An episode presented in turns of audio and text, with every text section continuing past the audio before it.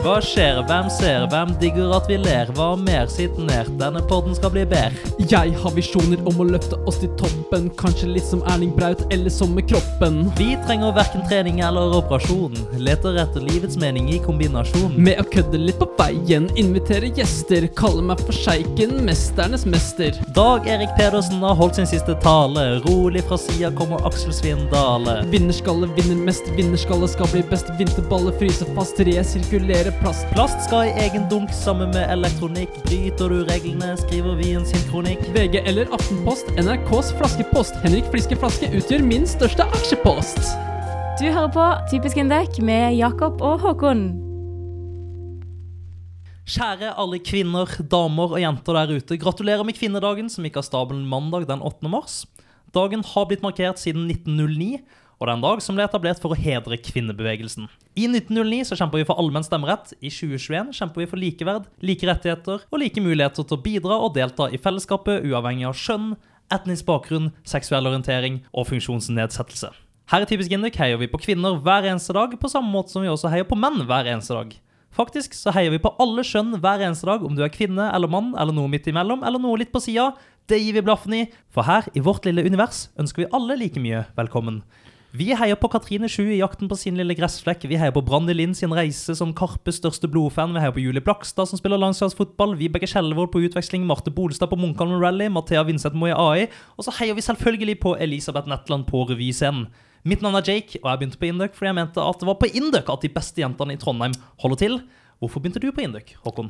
Jeg begynte på Induc fordi det virka som det shit for meg på videregående. Det var liksom det studiet som forlokket meg mest, den blandingen av tech og økonomi, som sikkert mange av oss andre svarer. Men jeg kom ikke inn på første forsøk. Det skulle ta et par år før jeg kom inn igjen. Og jeg måtte da søke meg ut andregangsvitnemål. Tok du opp fag, eller ble du bare eldre? Nei, Jeg tok opp eh, R-matte og tok P-matte istedenfor T-matte. Det var vel det eneste to jeg tok opp. Og så skjønte jeg når kjønnspoengene forsvant, at nå kommer jeg til å komme inn uansett, så da gadd jeg ikke ta opp mer fag. Mm.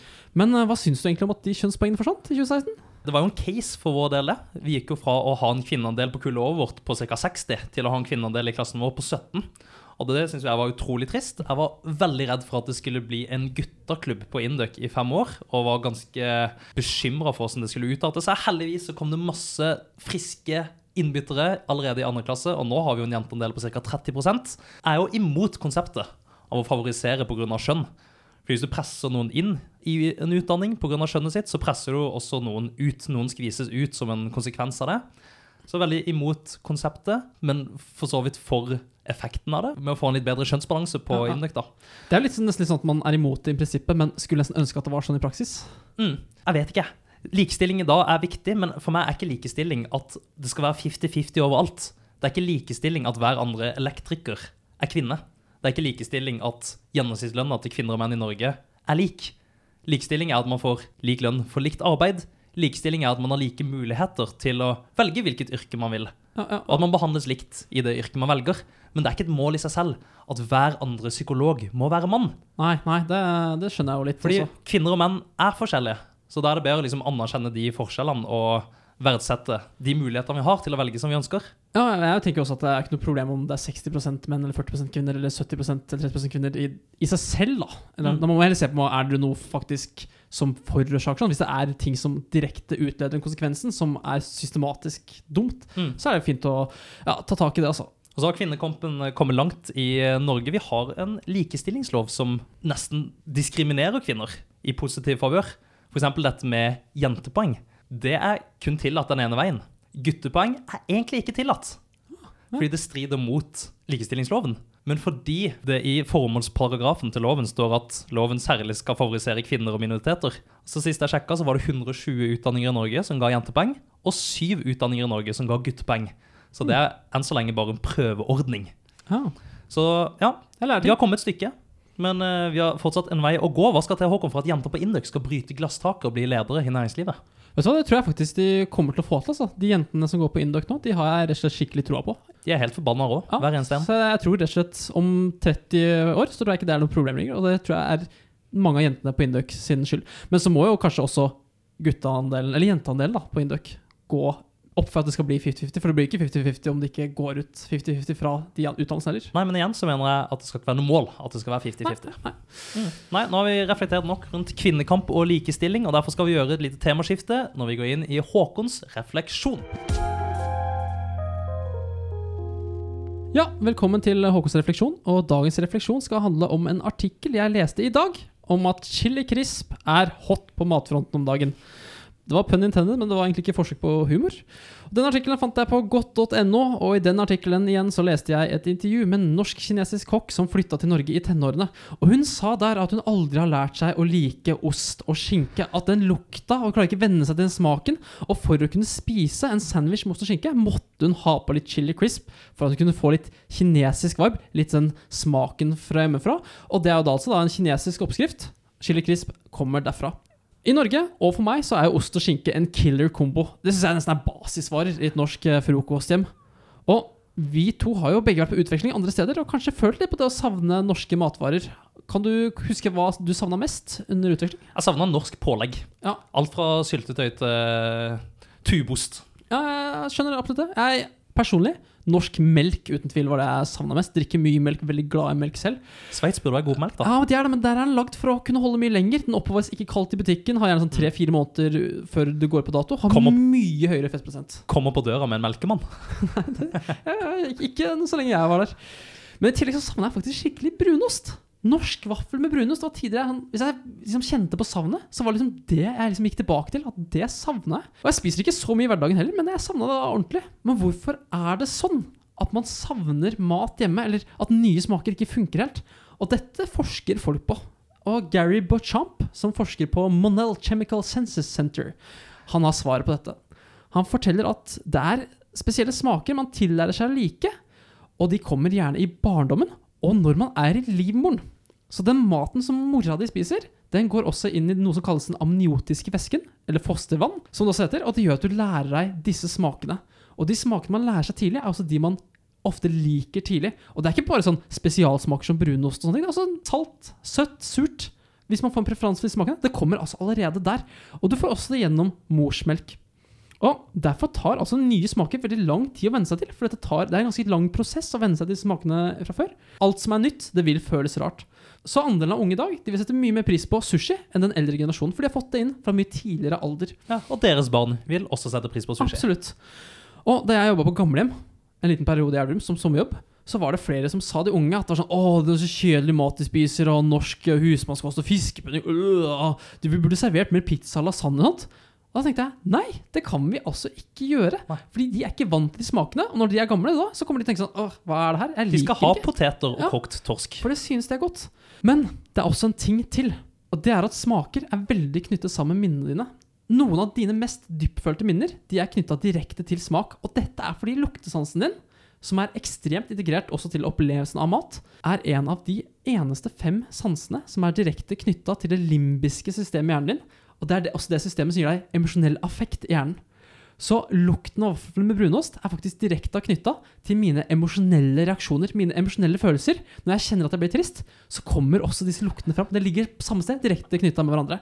Så det kan du tenke på også neste gang du ler av meg som har lyst på fiskebolle-Jack. For det er knytta til min emosjonelle reaksjon at jeg synes det er godt.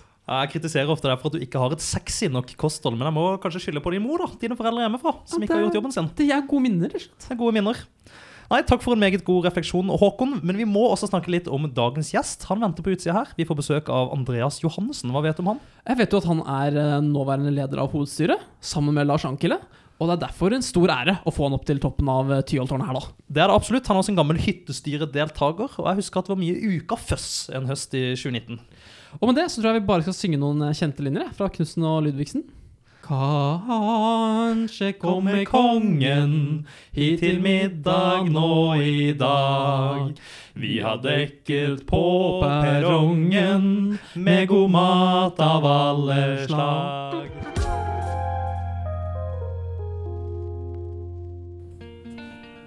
Hei! Før dagens gjest kommer, så hopper vi inn fra Beck Management Consulting. Jeg heter Morten Wintervold og gikk ut fra Induc i 2019. Og jeg heter Helena van de Ponselle og gikk ut fra Induc i fjor. Vi har rett og slett blitt sponsor av Typisk Induc og skal kuppe showet et uh, lite minutt. Helena, hva er Beck? Beck det er et eh, norsk konsulentselskap, og i Beck så har vi et stort tech- og designmiljø, mens vi jobber da i management consulting-avdelingen. Hva gjør du i Beck nå om dagen, da? Nå om dagen så sitter jeg og jobber med et veldig kult prosjekt hvor vi skal starte opp en helt ny mobilitetstjeneste. Kult. Gjør du noe utenom prosjekt?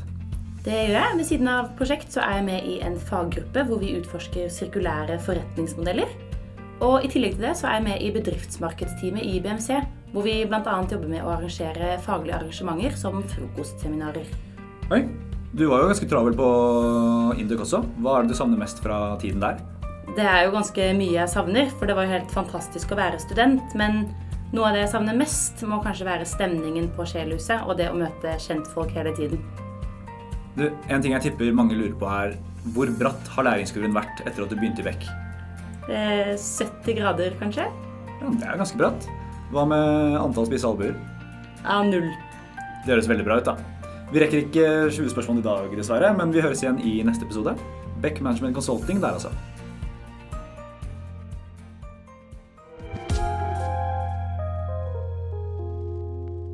Da har gjesten vår ankommet studio, og Jakob, kjør da introduksjon. Vi kjører introduksjon. Dagens gjest sin mor hadde termin 1.7.1998, men dagens gjest var en dag forsinka, noe som førte til at dagens gjest ikke ble født før 2.7.1998 på Stavanger universitetssykehus. Gutten var nysgjerrig på omgivelsene og lot seg tidlig fascinere av de naturvitenskapelige prinsippene som styrer universet vi lever i. Da han ble spurt på barneskolen om hvilket fag han likte best, så svarte han kvantemekanikk og biokjemi, knepent foran språk og grammatikk. Derfor var det ikke noe overraskelse at dagens gjest havna i forskerklassen på St. Olavs VGS i Stavanger. Og han var tillitsvalgt i alle tre år, med Vaksina Fatnes som sin vara. Selv om det ikke ble gull i kjemi-OL i 2016, så opprettholdt dagens gjest sin iver etter å lære og begynte på Induc året etter. Der har han gjort seg bemerka med to år i hyttestyret, ett år som ukefunk, og nå er han aktuell som en av to ledere i hovedstyret ved foreningen. Dette er en gutt som liker tomater, digger tacotirsdag, elsker stamp og forguder Stavanger-kameratene.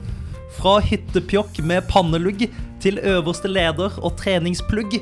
Velkommen til Studio Tyholt, Andreas Johannessen. Tusen hjertelig takk. Tusen hjertelig takk. Det var en veldig flott introduksjon. Ja, Selv om ikke alt var 100% korrekt, men det, det driter vi. Ja, for Vi fikk kritikk i forrige uke av Olaf, som mente at vi ikke hadde en klar nok linje mellom løgn og sannhet. Okay. Kan ikke du bare klare litt opp eh, for oss nå? Hva traff vi på, og hvor er det vi bommer? Ja, Jeg kan ikke minnes at jeg var tillitsvalgt med Sina Fartnes, men uh, jeg kan se det for meg. Jeg tror vi hadde hatt et godt uh, radarpar. Uh. Enig, enig. Ja. Gikk dere i klasse ja, Dere gjorde det? Ja. Mm. Hva syns du om ordspillet Vaksina Fatnes?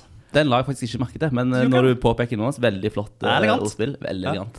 Eh, Tidsaktuell og satirisk og, Mm. og absolutt. Absolutt satire. Men, uh, vi kan jo snakke litt om de fagene jeg nevnte. Det var kvantemekanikk, det var kjemi, det var språk og grammatikk. Mm. Er dette noe for deg, eller? Absolutt. Det høres veldig ut som mine fag.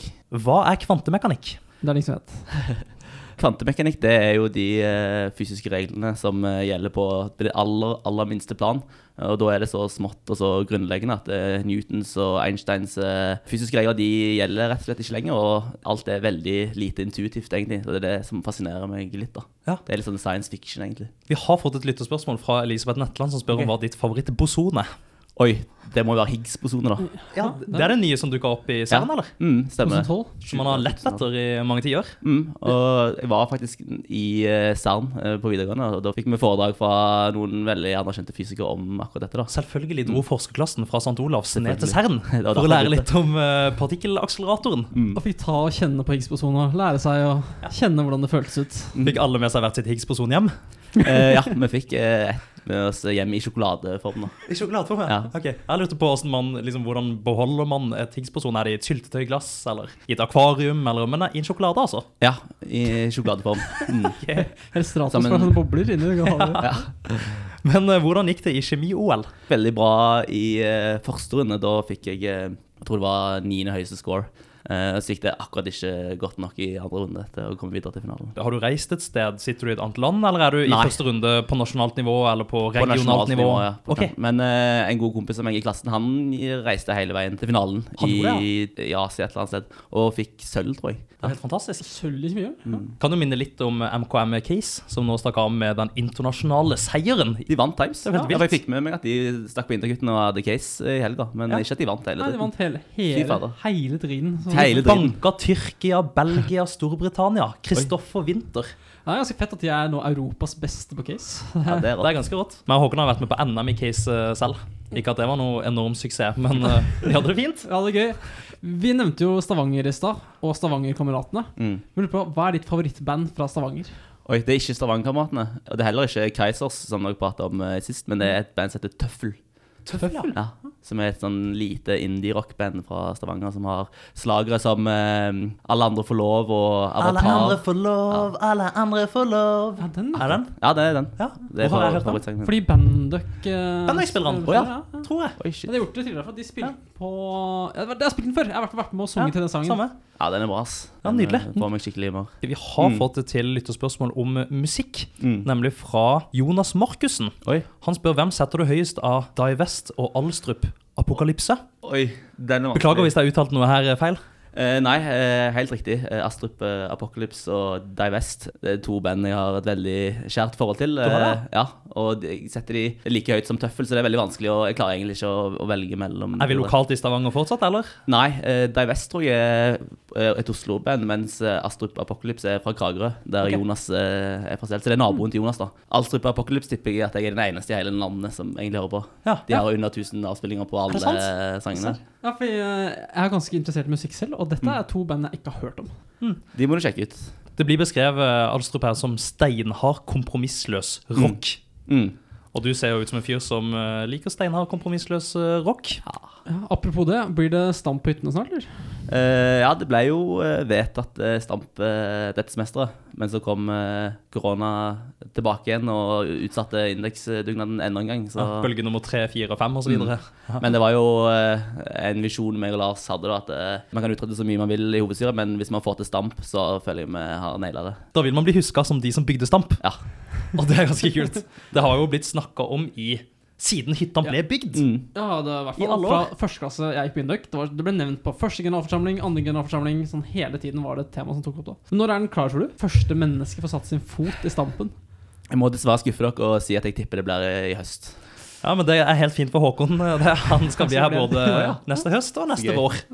Kanskje er det Håkon som tar det første dødsestupet ned i stampen. Det hadde vært stort. Vi skal bevege oss litt videre, og bare si igjen velkommen til oss, Andreas. Jo, tusen takk for at eh, dere vil eh, ha meg her. I det siste har vi sett at ledere har vært veldig tilbøyelige til å stille opp i innslag i populærkulturen. Vi har hatt Erna Solberg på podkast, vi har hatt Trygve Slagsvold Vedum på Maskorama. Jonas Gahr Støre har deltatt også på Mopp behandling, og da er det jo godt at de øverste lederne på Induc også kaster seg på den trenden her, da, og gjør seg selv tilgjengelig for publikum. Så bare for å klargjøre rollen her, har du planer om å representere deg selv eller foreningen som gjest eh, her i dag? Nei, jeg tenker å representere meg selv, ja, først og fremst. Ja, men Det er deilig å høre, for det er jo Andreas Johannessen som person vi har invitert her i dag. Og det blir spennende å se hvordan du klarer deg i spalten vi kaller for 20 spørsmål. Velkommen til 20 spørsmål, Andreas. Her er reglene utrolig enkle. Du får noen spørsmål og skal gi oss noen svar. Vi lurer på ditt fulle navn. Andreas eh, Johannessen. Ikke noe mellomnavn? Eh, nei, men eh, jeg har faktisk vurdert å legge til mitt mors eh, mellomnavn eh, i bursdagsgave nå i mars. Å, det var jo en utrolig fin gest. Hva Ja. ville det i så fall vært? Reils, da. Oi, Ja, men Få det inn. Ja, få det inn. Ja, eh, så jeg har jo et ekstremt vanlig navn. Og jeg har jo heller ikke LinkedIn, men så sa noen til meg at du må få deg LinkedIn. Eh, Så sa jeg ja, men det finnes sikkert tusen andre som heter Andreas Johannessen på LinkedIn. Ingen ingen kommer til å finne meg. Og så ha-ha, tusen, det var jo veldig overdrivelse. Og så gikk de inn og sjekka, og det var 997 personer på LinkedIn som Det var det, Andreas. Johannessen. Bare på LinkedIn. Så det er jo ennå enda et uh, insentiv til å Ja, da må vi få inn. Hva, hva var det? Reils, Reilstad, Reilstad? som er en liten bygd på Finnøy, da. Som Ok, er slekt det inn. Alder? 22, eh, soon to be 23. Nettopp. 2. juli, var det det? Mm. Mm. Skulle vært 1. juli, men det ble en dag forsinka der. Ja, tydeligvis. Det, det visste ikke jeg. Jeg måtte dypt ned i arkivet for å finne den informasjonen der. Klassetrinn. Eh, Fjerde. Teknologiretning. Emil. Emil, ja. Emil, ja. Mm. Første Emil. Det må være første Emil. Tenk det, vi har hatt 15 gjester tidligere. Ingen Emil-studenter. Vi har hatt få datafolk, egentlig. Ja, det er Med tanke på hva skillet egentlig er. Vi har hatt mye marin maskin og ja, Men jeg tror nok andelen datastudenter er større i femte enn det det er på de yngre kullene. Fordi Ja, eh, Olav Bjørlykke har for eksempel representert marinlinja så utrolig bra når han har pitcha i fadderuka. Ja. Så maringjengen har bare vokst og vokst og vokst. Fra hvilken by? Fra Sola, eh, rett ved Stavanger. Ja, Det er der Vibeke Skjellevold Mm, kommer fra. Mm? Kjenner Vibeke godt fra barndommen. jeg. så Vi gikk i samme barnehage, faktisk. Nei, Mm. hvilken barnehage? Dravhaug barnehage. Liten verden, altså. Mm. Jeg hatt så fine navn på sånne barnehager. Ja. Sivilstatus? Eh, Singel. Løpende verv? Eh, hovedstyre, leder i hovedstyret. Det gir oss jo en slags ærefrykt Var ha lederpar i hovedstyret sammen med Lars. Tenker du å slenge deg på uka 2021 også, eller? Absolutt. Absolutt. Da du var liten, hva ønsket du å bli når du ble stor? Pappa var ingeniør, så det var vel i de banene der jeg tenkte. Og det har jo sånn halvveis oppfylt, da. Du er på vei til noe nå. Ja, ikke så langt unna det. I hvert fall tittelen. Om jeg kan kalle meg en fullverdig ingeniør, det er litt usikker føler du deg som en ingeniør etter hvert? Nei, Nei. ikke egentlig. Hva hadde du studert om Indek ikke fantes? Det måtte blitt noe fysikk, tror jeg. Noe Fysikk, kanskje. Kanskje vi kommer tilbake til dette senere. Topp to hobbyer? Fisking og løping. Det er så deilig! Nå har vi to nye hobbyer her. Ah, Fisking og løping. Det som er fint med det, er sånn veldig sånn urmenneske. At det er sånn Ja, skaffe mat og og så løpe. løpe. Ja. Fisking skulle jeg gjerne gjort mer av selv, egentlig. ja. Jeg tror jeg hadde klart meg bra i jegersamfunnet. Ja, Jeger- og sankesamfunnet. Mm. Ja. Vi hadde klart oss bra, alle vi tre, tror jeg. Se for deg det, en liten sekk der. Bo i noen huler, reise litt rundt. Nomader. Ja, det hadde fått uh, verdensherredømme. Det var mine faste. Nå skal Håkon gi deg tre kreative spørsmål. Oi. Ja, vi har hørt at du har ganske god rockefot, så hvilken kjendis ville du helst danse swing med? Er dette et hint eh, den gangen jeg danset swing med Sigrid på, på hjulene? Det kan godt hende at vi kjenner til den historien der. Fortell om Ja, det. stemmer faktisk det, at jeg har danset swing med Sigrid. Det er litt sånn fun fact. jeg pleier Selveste artisten Selveste Sigrid. artisten Sigrid. Det var ikke den lengste dansen. Det var Jeg tror kanskje det ble ett sving. Ja, men du, du holdt jo én låt, Ja, liksom. nei, nei, ett sving. I fire sekunder. Eh, To sekunder. Hvem initierte det der? Å ja, det var nok meg, ja. Ja, det var det. Most definitely meg. Og så forlot du deg etter én sving. Ja. Da hadde du ikke så god rockefot likevel, da. Det var nok av folk som ville danse swingmove. swing med Jeg tenker Det må være slitsomt å være hun og gå rundt på samfunnet der, ass. Det så slitsomt ut, og jeg var sikkert en av de som gjorde den opplevelsen veldig slitsom. Hun ville jo sikkert bare være der og være en vanlig person og være på fest, liksom. Men så kommer det sånn karer fra Stavanger her og vil ta selfies og vil danse med og Ja, Det var en god opplevelse. Det er en god fun fact. Men Sigrid er utrolig kul. Skulle gjerne invitert Ja. henne til en sving selv. Du kjenner Sigrid? Eh, Nei, ikke annet enn at hun er spellemannsvinner og Ja. har levert utrolig gode hits. Jeg så jo under uka, jeg tipper det var den kvelden hun var på Samf etterpå. Mm, mm, Spilte jo nede i Dødens dal der. mm. Jeg gikk faktisk på i franskklasse med bestevenninna hennes, som het okay. Sara Prytz Riland. Og da husker jeg back then at Sara pitcha for meg sånn Ja, det er en ny artist som heter Sigrid og legger ut sånn låter på Urørt og sånt. Så hørte jeg den sangen og jeg var sånn Ja, det er helt ok, de greiene her, da. Det blir sikkert ikke noe. Men så ble det jo noe. Det ble noe av det. Håkon er jo kulturkritikeren her i redaksjonen. Mm. Og vi trenger kulturkritikere i dag. Og musikkanmeldere. Musikkanmeldere, ikke minst. Det er samfunnskritisk. Vi går videre til neste spørsmål. Det har jeg stilt tidligere i episoden med Mats Møller, men jeg stiller det igjen. Og det handler om 350-festen. Nå begynner det å bli en stund siden, men har det blitt opprettet noen kommisjon rundt hva som gikk galt? Og hvis ja, hva er resultatet? Eh, nei, jeg tror det som gikk galt, var at det kjente fenomenet overtenning. Ja. Mm. Men uh, det skal sies, det var en vanvittig bra kveld. Kanskje er en av de beste kveldene jeg har hatt på Indøk eh, noensinne, tross koronarestriksjoner. Spørsmål nummer tre, og dette spørsmålet her gleder jeg meg til å stille, for dette har jeg lurt på sykt lenge. Men blant dine coverbilder på Facebook Mm. så er det bilde nummer seks eller noe sånt fra 6. august 2017. Er du sammen med en guttegjeng i dress sånt? Mm. Men så er det en fyr der som står med vest, uh, lilla skjorte, og en denim-shorts. Ja. Hva, hva er det som har skjedd der?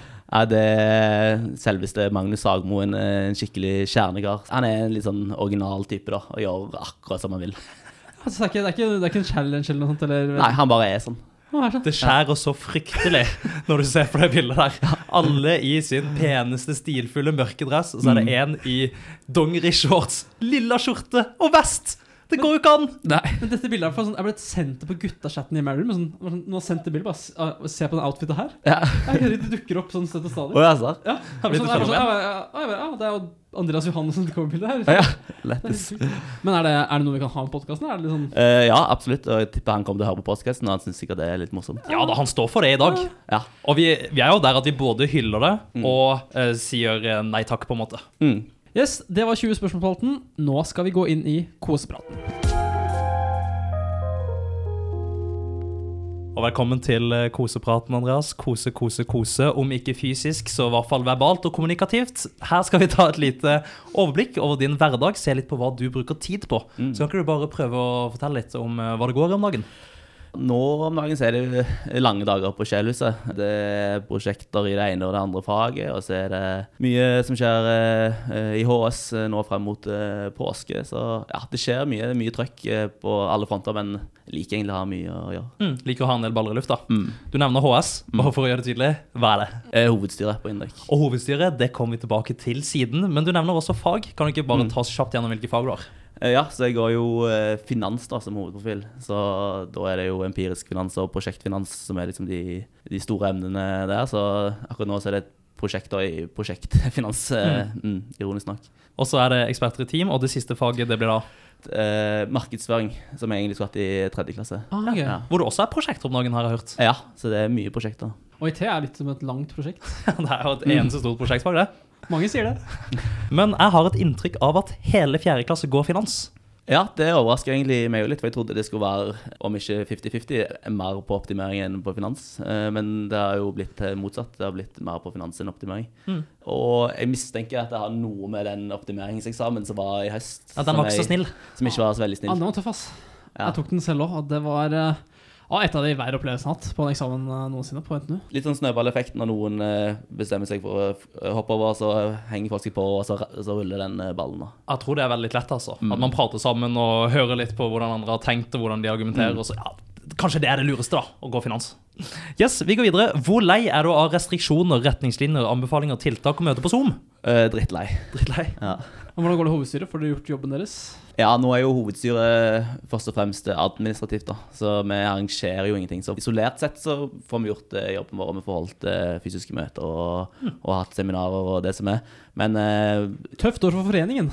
tøft for resten av foreningen og alle andre som står på og prøver å skape best mulig tilbud. Så det er veldig kjipt. Veldig kjipt. Og om femte? Blir det normalt? Jeg tror det blir normalt. Jeg er optimist. Jeg har tro på det selv, ass. Hvis eh, hele samfunnet er vaksinert innen eh, august-september, så må det jo bli normalt. Og nesten enda hardere enn vanlig. Tenk så mye som har bygd seg opp da, i alle disse månedene i, hvor vi ikke har fått gjort det vi ønsker. Det må være helt fantastisk å vende tilbake til et restriksjonsfritt samfunn. Ja, det ble jo fest i gatene. Ja, jeg tror hvis uka kommer liksom som den første store tingen som virkelig er sånn Mm.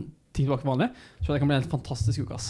Vi går videre. Vi har hørt at det finnes et konsept blant eh, noen eh, karer i fjerde klasse som heter tacotirsdag. Mats Møller har vel så vidt nevnt det her i podkasten, men kan du ikke bare utdype litt? Hva er konseptet? Eh, nei, vi er en gjeng eh, gutter i fjerde klasse da, som hyller tacotirsdag, som altså er hangarens ukentlige tacoservering. Det er vårt eh, holdepunkt i, hverdagen, og det som gir eh, livet mening. Så vi har gått innkjøp av merch og har liksom eh, institusjonalisert eh, Ja, Dere har formalisert det. Ja, formalisert. Ja, det. Det er nærmest en forening. Mm, ja. Ja. Hvilken type merch er det vi har anskaffa?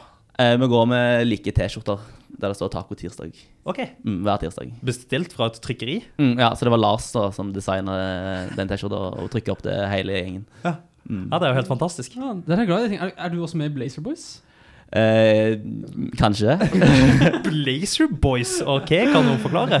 Jeg vet ikke om vi skal rippe for mye opp i det, men Eh, nei. Nei, Da kan vi la den henge, men hva mener du, Andreas, er den viktigste ingrediensen på en taco? Det er definitivt eh, osten. Og her er det så mange som vil si seg eh, uenig. Ja, jeg er blant de. Mm. Ost for meg trenger det ikke på taco. Nei. Trenger det ikke på taco. Det gir altså så lite. Nei, jeg kan ikke se for meg å spise taco uten ost. Nei. Det er noe med at når du legger kald ost eh, på en varm taco, så smelter den liksom litt sånn naturlig. Og... Ja, det er kanskje noe med da. Men jeg ville tenkt at du skulle svare tomat, for jeg har hørt at du er veldig glad i tomater.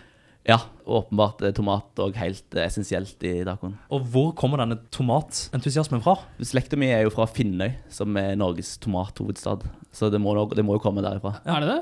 Ja, De arrangerer jo den årlige tomatfestivalen og full pakke. Og, og onkelen min han driver tomatfabrikk av et eller annet slag. Og tanta di er en tomat. Ja, og tanta mi er en tomat. Så det må jo ha kommet eh, derifra. Ok, tomatfestival, det fins det, altså. Mm. Ja. Finnøy, samme sted som eh, ditt mors etternavn kommer fra. Ja. Reilstad. Mm. Og der Nils Henrik Abel er fra. Vi har snakka om Abel-konkurransen tidligere. Håkon fant noen gamle inndøkkere på disse Ja, stemmer. topplistene. Mm. Var du selv med? Du som har vært med i Kjemi-OL, var Abel-konkurransen noe for deg? Gjorde det ikke like bra i Abel-konkurransen Nei, men glad i tomater er du. Veldig glad i tomater. Det var kosepraten, og vi går inn i Håkons hovedstyrebenk. Velkommen til Håkons hovedstyrebenk. Dette er en fast ukentlig spalte hvor vi snakker litt om hovedstyret og dens funksjon. Kan ikke du starte med å bare gi oss en beskrivelse av organisasjonskartet? Hvem er det som utgjør hovedstyret? I hovedstyret så sitter alle lederne av de ulike linjeforeningene på Indek. Og vi har jo en veldig annerledes struktur i forhold til de andre linjene, eh, sivilingeniørstudiene på, på Gløshaugen. Eh, der alt eh, som regel er samla under eh, ett tak, en merkevare, så har vi på Indek spredt det litt sånn ut i en flat struktur, da. Så ja, der sitter Janus, eh, som er den sosiale linjeforeningen som arrangerer fadderuker og alt som skjer sosialt. Så er det Bindeleddet, som er næringslivskontakten, Esteem, som arrangerer reiser og hyttestyre, CSXL, Indre Kultur og Janus idrett. Ja, Så vi har jo egentlig nesten separate linjeforeninger. Mm. Mens de andre har egentlig bare sånn undergrupper av hovedstyret. Hvor det Mm, er bare sånn. Du er bedriftskontakt, og så er alt under det. Mm. Det er litt interessant at det er så annerledes hos oss. Ja. Vil du si at hva vil du si som er fordelen og ulempene med det? Tror jeg det både er fordeler og ulemper. En av fordelene er at f.eks. Janus, da, som eh, mange anser som linjeforeningen på Indøk, de får på en måte konsentrert seg om sitt arbeid og gjøre best mulig jobb på den eh, sosiale fronten. Og må slippe å styre med alt eh, det administrative som da hovedstyret fikser. da. Eh, og ulempen er jo kanskje at det ikke blir like bra kommunikasjon og, og samordning mellom de ulike foreningene. Ja, for Man får kanskje ikke utnytta seg alle de mulige synergiene man kunne Mm. hatt hvis alle foreningene kommuniserte bedre, hvis Ja. de hang mer sammen. Ja, de opererer veldig individuelt, så hovedstyret samles ca. en gang i måneden. da, Der vi tar opp uh, ulike saker som angår alle. Syns det er litt kjipt å ikke få dra på innball? Nei, det går helt fint. Jeg føler HSLP er jo et verv for eh, fjerde og femte, og da har man på en måte vært litt gjennom eh, det. HSLP, gi oss eh, det fulle. Hovedstyret lederpar. Nettopp. Ja, Det er jo Lars. Mm, mm. Ja, Vi kan snakke litt om det. Hvorfor ble dere hos sitt lederpar? Hva gjorde at dere ble gira på denne rollene? Ja, vi snakket egentlig om det allerede i første klasse. Da var det Gard og Vemund som var HSLP. Og Store det. Ja, store legender. Eh, og vi syntes de gjorde en, eh, en god figur, og de fikk det til å virke som et eh, kult verv. da, Hvor man fikk måte, satt sitt preg på studentfrivilligheten på Indek, fordi man har jo litt påvirkningskraft. Dere søkte jo du og Lars mens dere egentlig var på utveksling i tredje klasse. Jeg gikk i fjerde selv på det tidspunktet, og jeg kikka rundt meg i klassen og tenkte hvem i all verden fra oss i fjerde klasse skal bli hovedstyre lederpar til neste år? Mm. Men det slapp vi å tenke på, fordi det tikka inn en helt vill PDF fra et par karer på utveksling. Kan du ikke Ja. fortelle litt om den sagnomsuste PDF-en? Ja, altså Det er jo ikke til å stikke under stol at det er ikke så veldig mange som stiller til lederpar i hovedstyret. Det er jo en tung og utakknemlig jobb ofte. Så vi visste jo at det- hvis det er eh, noen andre som søker, så er det kanskje ett eller to par til maks. da. Så hvis vi endte opp med å bli de eneste som- søkte, så ville vi i hvert fall bevise at vi ja, vise hva vi er gode for. da. Ja. Så vi gikk all in og, og lagde en, eh, en gjennomført eh, søknad, eh, kan du si. Det var jo en PDF på 118 sider, og det var link til en prototype nettside, og ingen har gjort så mye forarbeid for å vise sitt kandidatur. Det var imponerende. Kan du snakke litt om forholdet du har til Lars fra før? Også liksom hvordan dere løser det innad i styret, med rollene? Forholdet eh, mellom meg og Lars det vil jeg si er platonisk eh, kjærlighet.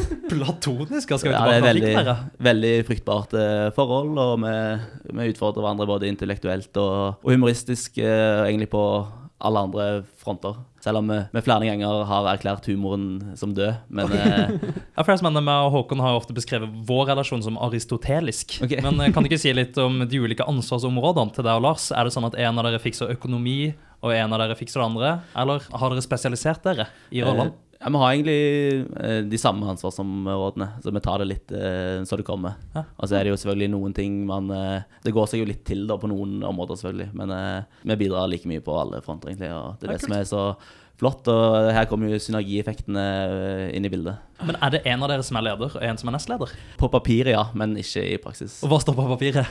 I Brønnøysundsregisteret står jeg som leder. Men, ja, Så vi sitter her med lederen av foreninga! men, men det er viktig å, å påpeke at det er bare en formalitet, og at i praksis så er begge ledere. Og det var, det var viktig for begge oss når vi stilte, da. Vi tar et lytterspørsmål inn her som passer ganske bra, fra Christian Rustad i andre klasse. Okay. Han spør hva synes du om Lars sitt slagord 'Alt var bedre før', men det stopper ikke oss? Hvordan synes Andreas det har gått? Nei, jeg tenker egentlig at den beste tiden er nå, jeg. Alt var veldig bra før, men at den beste tiden er nå, da. Så jeg støtter ikke det, det utsagnet. Nei, Jeg synes Det er en fin innstilling du har der. Jeg synes det var litt trist egentlig i første klasse å høre alle femteklassingene rope på Janus-valg, og hver gang vi gjorde noe som vi var fornøyde med, så fikk vi 'alt var bedre før'. Men jo eldre jeg har blitt, så har jeg jo fått litt av den samme tanken selv. Shit, det var bedre når vi, når vi var i de rollene. Det var bedre når vi styra og holdt på. Ja, og jeg skal ikke si at jeg ikke har meldt alt var bedre før på Janus-valget, heller. Det er noe sjarmerende med det. Det er noe å sjarmere med. Det er en gimmick. Vi følger opp med et nytt spørsmål fra samme mann. Topp tre quotes fra HS LP-mailen. Da kanskje vi kan ta ett quote. Hva er ditt favorittquote fra Oi. Uh, ja, fordi vi pleier alltid å legge ved en quote i mailen vår. Og, Motiverende quotes.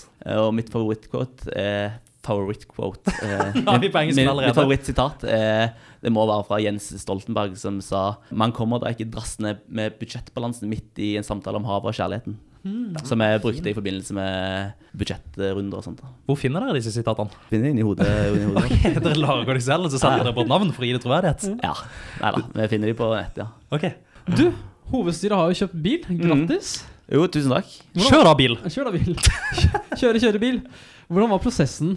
Ja, altså det starta jo med Peder Mette, som var forrige leder for hovedstyret, som eh, foreslo dette for generalforsamling i forbindelse med overgangen til et litt mer driftsfokusert hyttestyre, eh, som skal legge litt mer innsats i, i driften og i kjølvannet av eh, oppussingen. For at de på en måte skal få god nok mobilitet og fleksibilitet i det arbeidet de gjør, så hadde det vært veldig praktisk med en bil. Det var liksom det fremste rasjonalet. da. Men så bruker jo i tillegg foreningen helt vanvittige eh, summer på leiebil i året. Ved å ha en niseter eh, bil, som i mange tilfeller kan erstatte to leiebiler over en hel helg, så ble jo det litt penger spart. da. Mm. Altså, Det er en langsiktig investering, egentlig, dette her. Absolutt. Kan du si litt om bilen, eller? 2016-modell? Det er en Renault Traffic eh, niseter 2016-modell, som eh, meg og Lars og eh, nevnte Kristian Rustad var henta i Kristiansand, eh, din hjemby. hjemby. Bilhovedstaden, det. Eh, bilhovedstaden nå i forrige uke. Så det var jo en eh, roadtrip, det, kan man si. Ja, Fortell litt om den eh, roadtripen, da. Vi fløy ned eh, til Kristiansand på mandag ettermiddag og plukka bilen tirsdag morgen og kjørte hele veien hjem til Trondheim. Plukka opp litt innløkere på, på veien. Ja, Dere plukka vel opp noe i Sandefjord òg? Vi plukka opp eh, Vilde Hem sin bunad eh, i Sandefjord. Og så plukka vi opp eh, Henrik i femte og Cassandra i tredje. Henrik Flaskegoske? Ja. Ja, jeg syns jeg så han på en story fra John. Snap der. Altså, det var god stemning. Ja, Så da ble det mye prat om finans og aksjer, da. Det ble litt prat om finans og aksjer, det stemmer. Ja, hvordan skal bilen døpes, egentlig? Den heter jo nå Mette.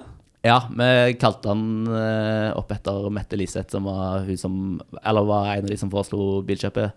Vi tenker å kanskje utlyse en eller annen form for konkurranse for å få et litt mer permanent eh, navn. da Kanskje i forbindelse med auksjonskvelden, hvem vet. Oi, Oi, Det hadde vært veldig kult. Vi var litt spent på dette. her Jeg syns Mette for så vidt er et fint navn og en Ja. fin, Fin gest dame. til Mette. Fin dame, ja, først og fremst. Utrolig god til å prate for seg. Det har vi hørt i denne podkasten her. Mitt forslag Jeg vil gjerne benke navnet August. Okay. Oppkalt etter Håkon August, hans oldefar August og hans oldemor Augusta. Og i tillegg så er August mellomnavnet til Christian Rustad. Ja. Så det Er kunne. Og ja da, Christian August Rustad. Hylle han som uh, sto bak. Han var vel leder av Ja. denne lille komiteen. Han leda bilkomiteen som er, som er satt ned. Ja. Men å selge dette navnet her på auksjonskvelden, mye fettere. Nei, det var det om bilen. Jeg syns nå synd på Six Tempe, som nå kommer til å gå med dundrende underskudd i årene fremover. Men la oss snakke om eh, ikke underskudd, men overskudd i fondssparing. I forrige ukes rap så sang vi planer om et pannebånd, bonds fra et indeksfond. Jeg lurer på, Blir det noe avkastning, eller? Det har jeg faktisk ikke uh, sjekka. Det er jo en veldig uh, langsiktig uh, investering, eller sparing, da. Istedenfor at pengene skal stå og, og råtne på bankkontoret. Fordi Indek har jo en betydelig kontantbeholdning, det er jo ikke til å legge skjul på det. Uh, og de siste årene har jo realavkastningen på konto vært eh, negativ. Det tenkte vi måtte gjøre noe med. Ja, Jeg syns det er en kjempeidé selv. Men dere hopper ikke på eh, GameStop Short Squeeze eller eh, Nei, Vi har kødda mye, mye med det. Både GameStop og det ble foreslått uh, veldig på kødd av- i hovedstyret å shorte Tesla. uh, men uh, nei, det er store, stabile indeksfond det går i. Ikke inn i kryptovaluta helt ennå, kanskje? Eh, ja, Der må jeg kødde en del med. Kanskje så mye at det er i ferd med å bli en selvoppfyllende profeti. Eh, Lars er veldig eh, investert og glad i krypto. Han prøver å overbevise meg til å foreslå det for generalforsamling. Men vi får se. Da så er det ned. Ja, fordi Ja. du vil ikke ha bitcoin, så du vil ha Nei, jeg vil ikke Jeg syns det er altfor volatilt da, til å putte indekspenger i det. Kødde litt med mine sparepenger, la andre gjør det, og investere i ting. Det går jo helt fint. Mm. Det syns jeg folk kan holde på med. Jeg tror heller ikke vi skal gamble med fremtidige indekker sine penger. Jeg tror ikke vi skal det. Jeg tror de trives fint, de pengene der, i et indeksfond. Men for vi som går optimering eller strategi, hva er et indeksfond? Et indeksfond er vel et eh, stort fond som følger en indeks. eh, I det- dette tilfellet en verdensindeks. Vi følger verdensindeksen. Mm. Ja, du kan følge Oslo Børs sin indeks, du kan følge Nasdaq, du kan følge forskjellige indekser. Og det er bare snittet på alle de aksjene som er i omløp Mm. på denne børsen. da Mm. Og det snittet det går som regel ganske sånn stabilt opp. For det er egentlig bare Mm. markedsindeksen som man da får avkastning på. Ja, så historisk sett så har det vel vært eh, 8% avkastning på Mm. verdensindeksen. Så det ja. lover jo bra. Ja, og Så lenge økonomien er relativt optimistisk, folk har troa på selskaper og ikke har lyst til å ha dette i cashbeholdning eller i gull, og sånne ting, så kommer det til å gå ganske fint. da Det høres jo smart ut, dette her. Men gi oss en liten recap fra webgrupper. Det var jo Ja. i tillegg til indeksfond et av de initiativene dere dro fram i PDF-en. Blir det noe eh, web, eller? Eh, det blir det. Eh, det var jo et annet eh, prosjekt vi lanserte, å få en, eh, en samlende nettside for, for hele foreningen, en slags uh, portal. da. Og vi har jo satt ned en uh, webkomité som står iherdig på for å få denne nettsiden på plass. Ja, til Morgan Heggelund, eller? Som, eh, Morgan står som som er leder av den, ja. Og de er vanvittig flinke. Det neste målet de jobber mot nå, er å få den opp til slipp av jubileumsbilletter. Som uh, ja, Nå legger jeg veldig press på Morgan her, altså. Men som vi tenker å lansere den eh, i forbindelse med det, hvis det lar seg gjøre. Utrolig kult. Mm. Det gleder vi oss til å se. Kanskje Morgan også kan fikse innloggingsfunksjonen til januslinjeforening.no, fordi den er ikke oppe å gå, altså. Jeg får ikke tak i gamle JS, Nei. og dette har vi tatt opp med Janus-styret. Ja, Backen er borte. Backenden er borte. Forsvunnet. Ja, alt, All den progginga som ble lagt til grunn for at de skulle kunne logge inn, og sånne ting, den er forsvunnet. Og vi sender en bønn til både Morgan Heggelund og Martin Aasen for at de tar tak. Ja. Det var det fra Håkons HS-benk. Vi skal inn i Induc-praten. Velkommen til Induc-praten, Andreas. Her skal vi ta et lite blikk på din relasjon til utdanninga di. Kan du si litt om hvorfor du valgte nettopp Induc? Ja, eh, jeg hadde jo egentlig ikke tenkt å studere Induc i det hele tatt. Det falt meg eh, aldri inn på videregående. Jeg var jo, som dere påpekte tidligere, en, eh, en realfagskis og var veldig interessert i kvantemekanikk og, og det som var. Så jeg hadde egentlig tenkt å gå FUSMAT og en retning som heter industriell matematikk. Eh, og det var sånn jeg fant eh, Indek, ved å google, rett og slett google industriell matematikk, og Ja. fikk opp forslaget industriell økonomi. Mente du industriell Mente du økonomi? industriell, ja, noe i den duren. Og så sjekka du ut, og så tenkte du at Ja, dæven, det dette var var jo fett. spennende. Ja, et litt mer pragmatisk eh, valg, kan man si, enn å gå ren fysikk. Mm, men så du da på fagplanen og tenkte at disse fagene her appellerer til meg? Eller leser du opp om det sosiale på Induc? Hva var det som frista med å gå på Induc? Det var vel hele pakken, både det sosiale og, det faglige. Hvordan har det vært så langt, da? Det har vært en eh, vidunderlig reise. Kunne aldri sett for meg at Indeks skulle ha et så bra sosialt miljø, men det er virkelig, altså. Mm. Og du gikk jo inn og tok litt tak allerede, ble med i hyttestyret ganske tidlig. Mm, ja, det var noe av det første jeg gjorde. Og kanskje et av de beste valgene jeg har tatt, fordi det introduserte meg for eh, studentfrivilligheten her i Trondheim. Ja. Som, og, og hvor fantastisk og inspirerende den eh, kan være. da. Hvilke minner har du fra det myteomspunne kontoret til hytt og styre? Det som ingen vet hvor er? Ja, det ligger jo ganske godt bortgjemt. eh, Nede i Oppdal. Nede i Oppdal, ja. ja det òg. Jeg har eh, masse minner fra kontoret, men eh, enda mer fra hyttene. Ja. Enda viktigere. Hva er beste minner fra hyttene? Oi, eh, det er mange. Men eh, jeg tror jeg må trekke fram den historien som jeg tror Ivar Mork òg trakk fram når han var gjest der. Utrykningslaget som var på nabohytta.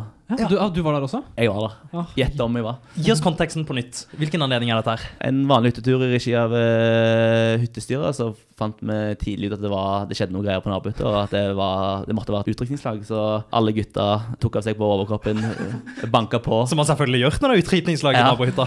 Banka på og ante ikke hva som uh, ventet oss, men uh, det var jo uh, De syntes jo det var veldig gøy. Og Eh, damer på denne nabohytta. Og damer, og eh, litt eldre damer. Men eh, de tok det veldig bra, og de syntes det var kjempestas eh, at vi kom inn. Og det tok ikke mange sekunder før Øyvind Asplin var av med buksen òg. Da var det strippeshow for alle penger. Altså, Da hadde vi Ivar Mork på gitar, Mm. Øyvind på stripperen, og Mm. det var jo litt av et show dere smalt sammen her. Ja, det var en bra kveld. Hvor er du om ti år? Hvor er jeg da? Kanskje, kanskje jeg har funnet min eh, make, Ja. først og fremst. Så har jeg jo en liten drøm om å være med å starte en egen bedrift, så kanskje den går så det suser. Det fins en gründerspire inni deg, ja. En bitte liten gründerspire. Nettopp. Har du en idé om hva det skal være? Skal? Ingen, ingen idé. Nei. Nei, jeg har bare lyst til å skape noe eget. Men gjerne sammen med noen andre, da. Ja. Kanskje jeg er i utlandet.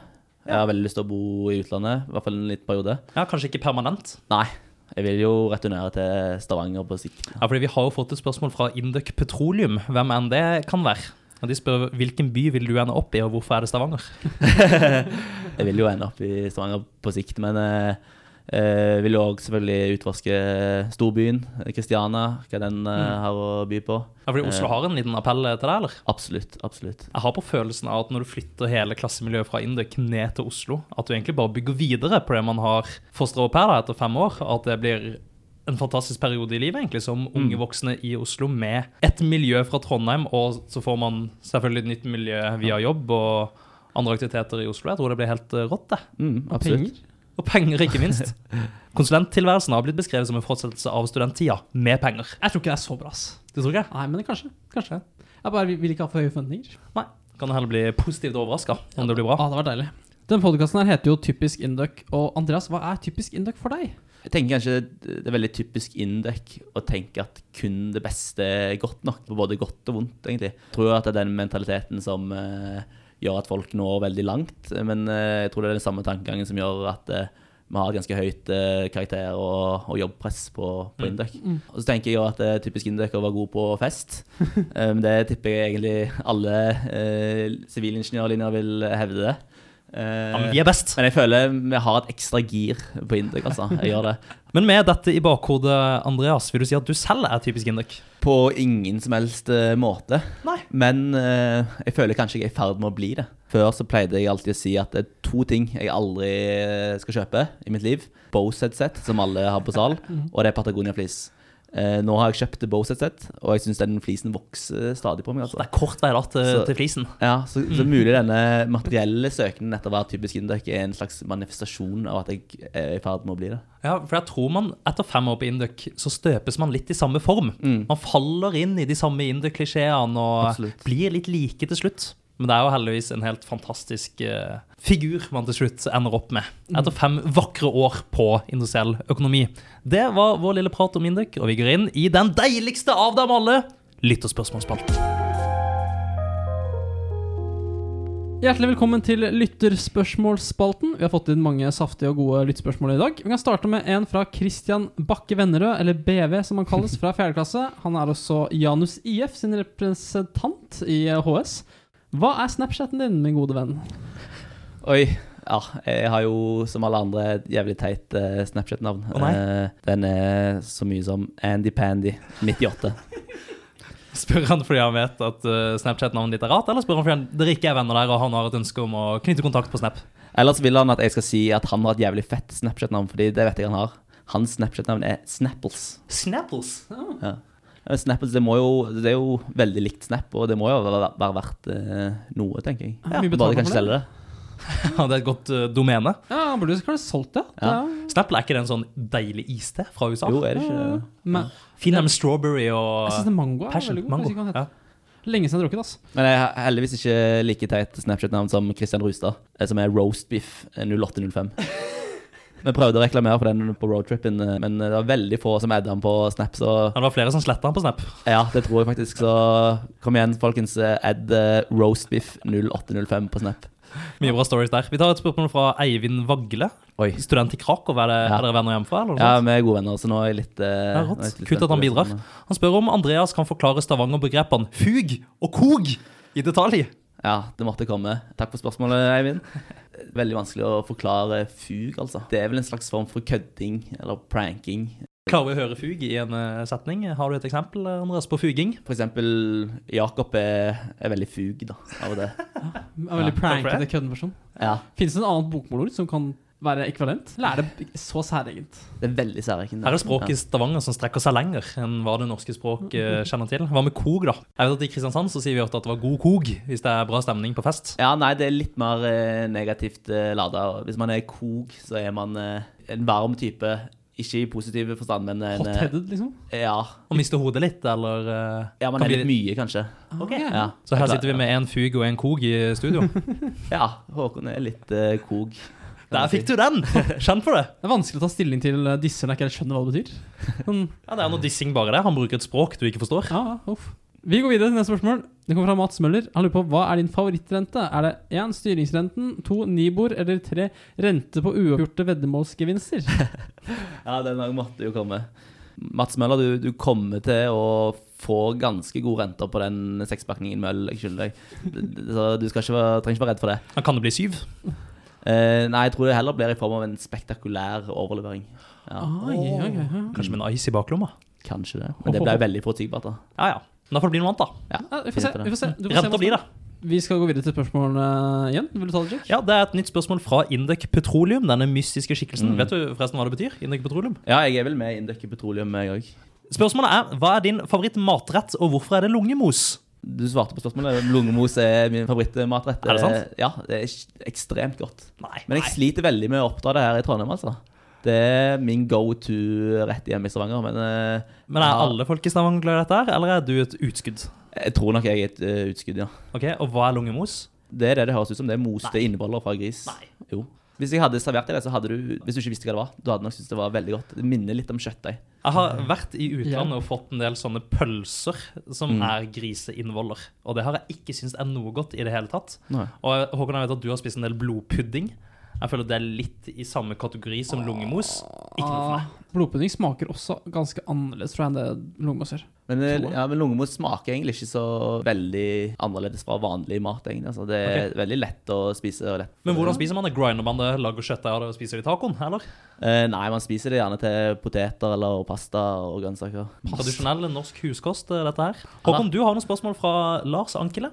Ja, De har du ikke fått på Instagram, fordi Lars har nemlig ikke latt oss følge ham på Instagram. Okay. Jeg har sett to stykk som ikke har latt oss følge på Instagram. Det er Lars, og det er Peder Gjerstad. Okay. Hva har de til felles? Ja, Noen vil hevde at de er ganske like som personer. Begge hater oss, i hvert fall. Det er noe. Det har fått en del spørsmål herfra. Vi kan starte med å snakke om ditt forhold til te. Ja, jeg er veldig glad i te, og jeg er veldig glad i å kvantifisere egentlig alt som Ja. har med smak å gjøre. Så jeg har et eget, eh, Excel-ark. Det er ganske flott. Excel-ark. Ja, den store tegrensen der, ja. Så Ok, skal nå sitter. Håkon med et Excel-ark på sin Mac. Håkon, hva kan vi lese her? Det er mange forskjellige tetyper som flere mennesker arrangerer. Så får de da en totalscore ut av dette. Så er det da lista opp i rekkefølge alle forskjellige. Så det er mange forskjellige typer. Mm. Hvem sitt Excel-dokument er dette her? Det er noe jeg lagde i forrige fjor høst. Har du delt det med venner? Er det flere som går inn og Ja, bidrar? alle som vil kan få bli med og få sin egen kolonne. Men eh, jeg stiller krav til at man vurderer teer jevnlig. Ja, og man skal ta det seriøst på det største Ja, alvor? Dette ja, opplegget ja, her. absolutt. Men hvorfor er du så fan av te? Nei, det er vel kanskje fordi det er ikke så nice å drikke kaffe på kvelden. Det er jo koffein i te òg, så det, Og spiller, betydelig mindre. det er betydelig mindre. Mm. Få en slags ro når jeg drikker det. Det er litt sånn meditasjon. Ja, men Dere har hørt folk si 'it calms your body'. Mm. Her har du vurdert faktisk hele 20 teer. Suverent mest av alle som har vært inne og vurderer. Mm. Katrine 7 er nede bare to stykker. Hun Nei. trenger en jobb å gjøre. Men har gitt de henholdsvis score 10 og 9, som hun syns var veldig gode. Men du har gitt alt fra 1 til 9 her. Ja. Det er jo Eneren har du gitt i T fra Twinnings. ja, den var helt grusom. Og så var den kald òg, så Uff. Men da har jo du som har gjort noe feil. Men Rich Earl Grey fra Lipton, nier der, altså. mm. Smak av Det er vel Earl Grey, da. En egen smak. Ja, det er vel en egen smak, det, da. Ja. Du påpeker egentlig en, en liten svakhet med modellen der. Det at Katrine har gitt 9 og 10. Det kan jo vitne om at ting ikke er normalisert helt. da. Ja. Ja, ja, ja. Det som leder, er det kun én vurdering på. Det er fra Katrine. Hun har gitt en tier, og den Mm. leder jo alt. Fordi Mm. For av Der må flere folk inn og smake Ja. og få det normalisert, rett og slett. Men eh, en te som jeg drikker ganske mye av, det er sånn eh, ingefærte ja, av pulver som man kjøper på sånne asiatiske butikker. Det er okay. dritgodt. Gjerne blande det med litt honning og litt melk. Det koser jeg meg med på kvelden. Jeg syns de blir litt for søte. Ja, du er litt så Litt, jeg er eh, litt sår på søtsmak. Vi skal gå videre til et nytt ark, nemlig det arket du har med Ingrid Fotland Aaseng. Ja, igjen. Jeg er glad i å kvantifisere ting. eh, Og meg og Ingrid er egentlig ganske kraftige B-mennesker, begge to. Mm. Men som dere vet, eh, New Year, New Us. Så vi har en konkurranse i å stå opp eh, tidligst mulig, da. Eller egentlig ha lavest mulig forventningsverdi på stå-opp-tidspunkt. Så dette er et Excel-ark hvor dere skriver klokkeslettet på når dere sto opp? Ja. Okay. Og så får vi straff da hvis vi er utenfor det vi har lov til å være. Jeg ser det er noen fargekoder her. Hva Mm. betyr det? Nei, så i, i ukedagene så får vi ikke lov å stå opp etter ni. Og i helgene får vi ikke lov å stå opp etter elleve. Ok. Så da blir det rødt. da det... Og hva er straffen hvis du uh, Ja, den, eh, den varierer litt. Eh, I utgangspunktet så Eller vi starter med å gi hverandre bagetter eh, på mandagsmorgen hvis vi hadde fått eh, kryss i løpet av en uke. Men det ble litt sånn kjedelig og litt lite straff, da. Det var egentlig Ja. bare digg å motta. tyngre skyts. Ja. til verks. Så sist gang så skulle vi gi hverandre en, eh, en gave vi ikke ville ha som straff, da. Okay. Så jeg kjøpte sviskekompott og Munkholm til Ingrid. Som jeg personlig syns er, er ganske digg, men hun hater det. Og jeg fikk et eh, stormglass tilbake, og den digger jeg jo. Så hun feila jo totalt. Hva er det for noe? Stormglass? Det er et sånn glass med litt sånn snøkrystaller inni som skal predikere dårlig vær. Ja, men Er det sånn du rister på, og så er det sånn små snøkrystaller inni som danser? Ja, du skal ikke riste på den, den skal bare stå i Ja, den skal bare stå i omgivelsene og bare ja, Spå. spå. Den Så trenger jeg i min eh, masteroppgave. Jeg skal Ja. nemlig spå litt eh, inn i framtida. Den har jeg på salplassen min. Ja. Jeg leste om dette stormglasset på nett også, at det ble brukt i gamle dager på skip sånn for å spå været fremover. Ja. Men det viser seg at det ikke funker det hele tatt. Nei, den reagerer på temperatur og that's it. Ja, that's it. Men de mente den liksom kunne spå fremt, som høytrykk og lavtrykkforandringer. At den kunne spå Ja. fremtiden. Men det gjør den altså ikke. Det er sjekka. Det gjør den ikke. Men det var en veldig kul gave. Jeg synes også tenkte sånn, å, fett. Ja, altså, er hun, hun feila jo totalt i den challengen der, da. Jeg fikk uh, melding fra Ingrid som sa at uh, sviskekompott var æsj, og alkoholfri øl serves no purpose, sa hun. Og spør Christian Schjell om det. Han vil nok være litt Jeg uenig. Ja, Munkholm. alkoholfri øl. Vi går videre. Vi har fått uh, nytt spørsmål fra Lars. Han spør hva er du gjør hver eneste gang du er i Bangkok. Oi, ja, hver gang jeg er i Bangkok, så gjør jeg mye, men jeg pleier alltid å spise uh, Coco Pops eh, til frokost. Hver gang. Grønn eh, pakke Coco Pops Ja. med denne apen Med på melk, liksom? Ja. Ja, men Det er jo sykt godt. Men hvorfor nettopp i Bangkok? Det fins jo over hele verden. ja, fordi jeg er jo alltid Jeg er i Bangkok hele tida, og det har bare blitt en slags rutine, da. Hvor ofte er du i Bangkok? Jeg har vært der én gang. Men hver gang du har vært der. Hver gang jeg har vært der, du så har jeg spist til eh, frokost? Coco Pops. det blir jo litt sånn at Hvis du drar dit, kjøper Coco Pops dag én, så må du nesten spise det hele den uka du er der for å tømme pakka. Ja, nei, jeg var bare én dag, altså. Én natt. One night, One night in Bangkok. One night in Bangkok. Ja, med Coco Pops til frokost. Mm. Vi sier at det var spørsmålene fra Lars. Vi har fått et informantspørsmål.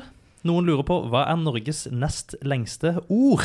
Ja, det er det jo jeg som har oppdaga, faktisk. Ja. Ja, eh, Sannsynlighetsmaksimeringsestimator. Er det Norges nest lengste ord? Det er Kan du ta den en Norges sannsynlighetsmaksimeringsestimator. Men eh, det er viktig å påpeke eh, det du sier der, fordi det finnes eh, mange ulike definisjoner på hva som er Norges lengste ord. Du har jo Norges lengste ord som ikke er sammensatt av noen andre ord. Da har du jo onomatte og poetikon. Ja.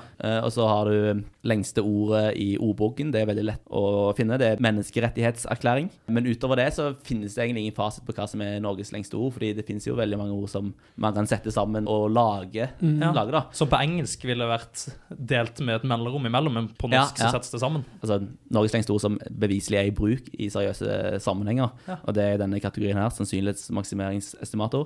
Fant du det mens du leste, eller? eh? Jeg vant det mens jeg leste statistikk, så dere hadde sikkert muligheten til å finne det før meg.